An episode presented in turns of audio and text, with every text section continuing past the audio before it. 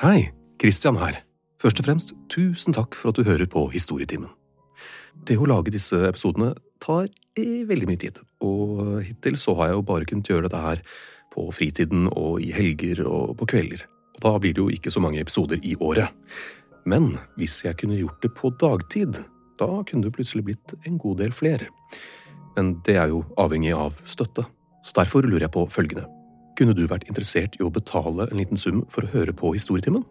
La oss si 29 kroner i måneden, eller 49 kroner i måneden, eller ja. Svaret skriver du rett i Spotify-spilleren din hvis du bruker Spotify, og hvis du bruker en eller annen spiller, så send gjerne en mail til hei at gjenklangstudio.no med svaret ditt. Hei at gjenklangstudio.no. Sånn, da er det bare å starte episoden. Igjen, tusen takk.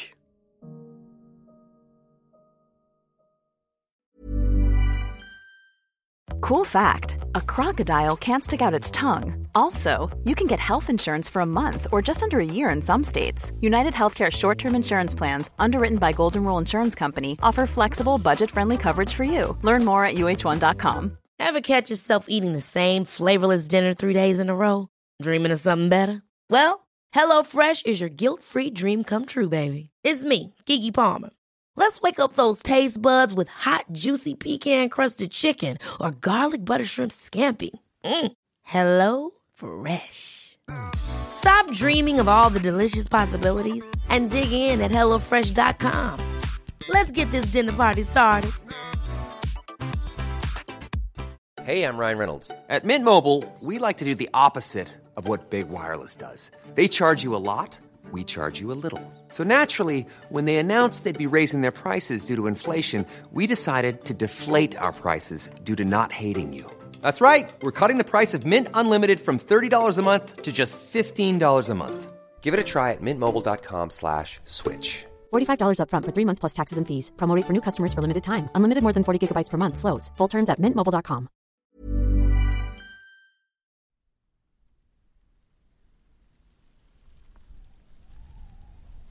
Med det totale mørke summende rundt seg samler både barn og voksne seg rundt bålet for å høre bestefar fortelle historier. Han er ikke alles bestefar, så klart, men han er landsbyens eldste, og den med alle historiene. De kjemper om å komme nærmere varmen, mens den gamle mannen stille stirrer inn i den knitrende flammen. Det tar ikke lang tid før alle har funnet sin plass, og når han omsider begynner fortellingen, glemmes de lange vinterkveldene i Frankrike i 1704.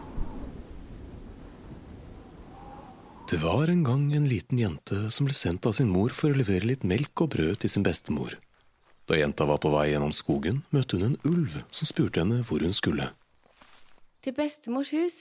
Å ja, men hvilken vei skal du ta? Nålenes sti eller knappenålenes sti? Nålenes sti. Ulven sa farvel og så jenta bli borte rundt en sving før han skyndte seg ned den andre stien og kom først frem til huset. Han banket på døren og hørte innenfra Kom inn! Ulven gikk inn i bestemors hus, drepte bestemoren og helte blodet hennes over i en flaske. Resten av henne kuttet han opp i passe små biter og danderte dem pent på en tallerken, før han kledde på seg nattkjolen hennes og la seg i sengen. Og ventet.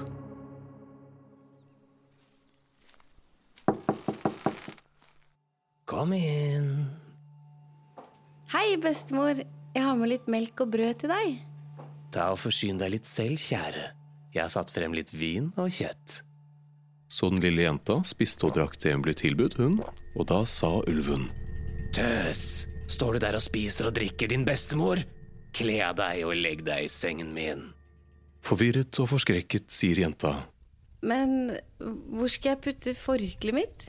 Kast det i peisen, du vil ikke trenge det mer. For hvert klesplagg hun tok av seg, bluse, skjørt, underskjørt, spurte jenta det samme spørsmålet. Og hver gang svarte ulven Kast det i peisen, du vil ikke trenge det mer. Da jenta la seg i senga, sa hun Og bestemor, så hårete du er. Det er for å holde meg varm, kjære. Og bestemor, så brede skuldre du har. Det er for å bære mer ved, kjære. Oi, bestemor, så lange negler du har. Det er for å kunne klø meg selv bedre, kjære. Oi, bestemor, så store tenner du har. Det er for å kunne spise deg, kjære. Og så spiste ulven jenta. I denne tidlige versjonen av Rødhette kom det ingen jeger og reddet henne. Så hva var moralen? At barn skulle holde seg langt unna ulver og ikke gå alene i skogen? Ja, enkelt og greit. Men stripping og kannibalisme? Freud hadde kost seg med denne historien. Det er kanskje ikke det første vi ville lest på sengekanten for våre barn i dag.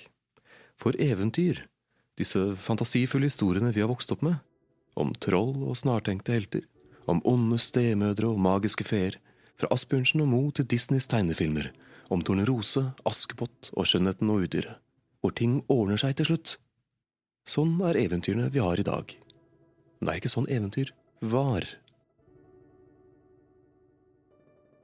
Siden jeg begynte episoden med et eventyr fra Frankrike, holder jeg meg litt der. Fra svartedauden frem til begynnelsen av 1700-tallet var Frankrike relativt uendret. Eller, altså, utrolig mye skjedde i denne perioden. Så klart, altså, kriger, kriser, religiøse konflikter. Men mesteparten av det som skjedde, eller valgene da, som ble tatt, skjedde over hodet til bøndene. De ble tatt av adelen, geistligheten og konger i Paris eller Versailles. Det politiske systemet gjorde at hver bonde som regel tilhørte en større gård, som gjerne var drevet av en stormann eller en adelig. Bøndene var frie, så å si, i hvert fall mer enn i England og lenger øst i Europa, men de greide aldri å bli økonomisk uavhengige, fordi jordbruksteknologien sto helt bom stille. Mange steder hadde fint lite endret seg siden romerne dyrket den samme jorden. Så de fikk aldri nok overskudd i korn eller energi til å reise seg. Derfor foregikk alt over hodene deres, fordi hodene deres var bøyd ned i en evig kamp for å få nok mat på bordet. Og det er derfor en vanlig rød tråd i de fleste eventyr handler om mat. Det er fortsatt deler av det igjen i omskrevne eventyr, Torneroses eple, Hans og Gretes pepperkakehus etc. Men før i tiden var det et langt mer sentralt tema. I Frankrike var de fleste bønder vegetarianere. Ikke av valg, men fordi kjøtt var såpass dyrt og sjelden. Det spiste de kanskje fire–fem ganger i året. Så i et eventyr hvor helten møter en utkledd Sankt Peter som lover å oppfylle heltens ønske, hva det enn måtte være, ønsker ikke helten seg uendelig med penger og rikdom, men å bli mett på kjøtt og vin. Den dagen Kornprodukter var ikke sjokkerende det letteste å få tak i. Og siden kostholdet var såpass ensidig, var sykdom utbredt, spesielt når avlingene feilet, som de gjorde titt og ofte. Som igjen fører til greia med kjipe stebarn og onde stemødre. For det var vanlig å gifte seg på nytt, fordi da var det lettere å overleve. Livet var et samarbeidsprosjekt. Derfor ble det mange stemødre, stefedre og stesøsken.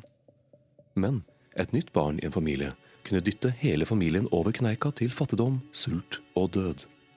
Konkurransen mellom søsken og, ja, alle, var hard, fordi livet var hardt. Så der har vi forklaringen på maten og stemødrene. Men hva med helten? I de ulike europeiske eventyrtradisjonene er helten ofte den samme, enten det er stedatteren, den yngste sønnen, en fattig gjeter eller en foreldreløs tigger. Det er underdoggen som slår opp mot etablerte, den rettighetsløse mot den privilegerte. Det er bare at helten ikke alltid lykkes, som vi så i eventyret vi begynte med. Da er historiene mer til advarsel. Antagonisten var gjerne en lytterne hadde et forhold til, som en grådig storbonde eller en prest som misbrukte sin stilling. Disse eventyrene finner vi igjen over hele verden, med den samme strukturen. Det eneste som virkelig endrer seg, er settingen. Skal man fortelle en historie, lønner det seg at den som hører på, kan relatere seg på en eller annen måte kjenne seg igjen i beskrivelsen av naturen eller persongalleriet. Ta to land som ligger ved siden av hverandre. Frankrike og Tyskland. Frankrike var et viktig jordbruksland, mens Tyskland fortsatt hadde store skogsområder. Dette gjenspeiler seg i landets eventyr, med humoren og det hverdagslige i franske landsbyer mot det mystiske og overnaturlige i mørke tyske skoger. Og så er det viktig å påpeke at vi ikke har én originalversjon av f.eks. Rødhette man kan gå tilbake til. Vi vet om i hvert fall 35 versjoner av Rødhette, 90 versjoner av Tommeliten og 105 Askepotter, bare i Frankrike. Og det er ikke sånn at alle eventyr gjennom tidene har vært så brutale som den jeg introduserte med. Muntlige historier endrer seg som sagt med tid, sted og kultur. Men vi kan kjenne igjen grunnstammen til de samme eventyrene over hele verden. I Kina har man funnet en over 1000 år gammel versjon av Askepott, bare at istedenfor en fe får hun skoene, eller sandalene i dette tilfellet, fra en magisk fisk. Og istedenfor et selskap på et slott, så er det et landsbytreff. Men grunnelementene er de samme. Og de samme grunnelementene finner man igjen i Skandinavia, India, Afrika og Kina. Noe som får mange kulturhistorikere til å fundere på om det finnes urhistorier hele menneskeheten deler. Så, de muntlig overleverte eventyrene endret konteksten til historien i forhold til tid, sted og publikum etc. Ok, men er det den enkle forklaringen til de ganske store endringene fra 1700-talls eventyr til vår tids eventyr? Mm, nei, ikke helt. Alt endret seg da man begynte å skrive ned eventyr. For i motsetning til de muntlige eventyrene endres ikke nedskrevne historier bitte litt hver gang de blir fortalt. Det nedskrevne ord er ikke like flyktig, men til gjengjeld kan mye bli endret i for eksempel oversettelser. Hvis vi går litt tilbake til Rødhette. Brødrene Grim fra Tyskland fikk den historien og mange andre fra deres nabo og gode venn Jeanette Hassenflug. Hun hadde hørt dem av sin mor, som var fransk, men som hadde måttet rømme til Tyskland. Brødrene Grim skrev det så ned, og siden historiene ble populære i flere land, som Frankrike, ble de også oversatt. Så for å oppsummere, et fransk eventyr kommer til Tyskland, blir oversatt, endret for å passe mer inn i den tyske kulturen, og blir skrevet ned. Så kommer den tilbake til Frankrike og blir oversatt igjen. Lost in translation er det visst noe som heter. For romantikken braste gjennom Europa på slutten av 1700-tallet. Det vakre og dramatiske og søken etter fortidens enkle bondeliv var nøkkelord, selv om bøndene nok ikke fant sine liv så rustikke og romantiske. Selv Marie Antoinette fikk bygd en liksomgård i Versailles hager, hvor hun kunne ta på seg klær hun innbilte seg folk på landet hadde, og gå rundt og late som hun var en bondekone. Det er som om Kjell Inge Røkkes hobby var å kle seg ut som en uteligger og slappe av på sin flotte strandtomt i Asker. Litt snodig.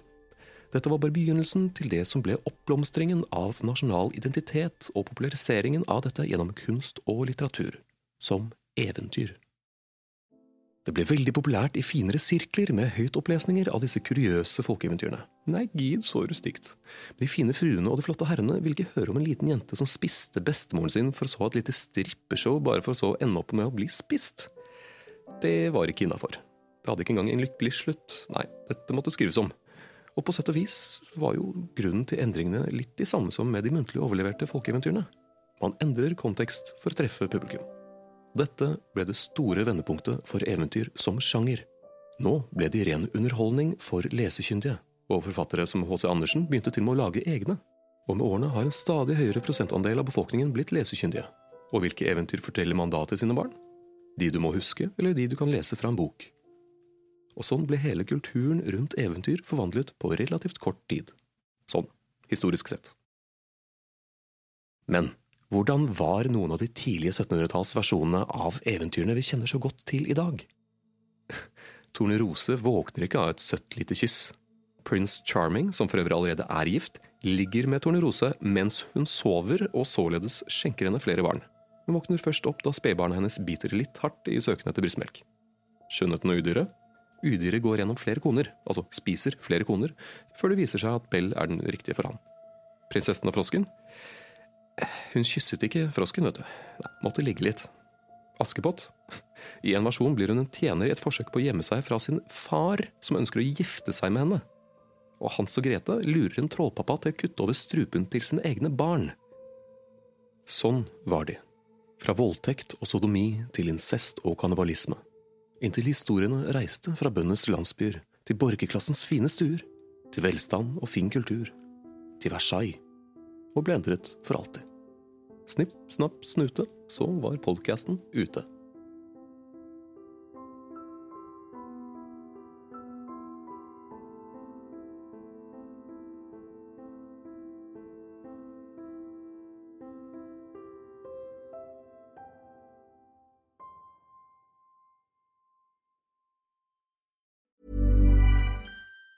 Even on a budget, quality is non-negotiable. That's why Quince is the place to score high-end essentials at 50 to 80% less than similar brands. Get your hands on buttery soft cashmere sweaters from just 60 bucks, Italian leather jackets, and so much more. And the best part about Quince, they exclusively partner with factories committed to safe, ethical, and responsible manufacturing. Elevate your style without the elevated price tag with Quince. Go to quince.com slash upgrade for free shipping and 365-day returns. Ever catch yourself eating the same flavorless dinner three days in a row?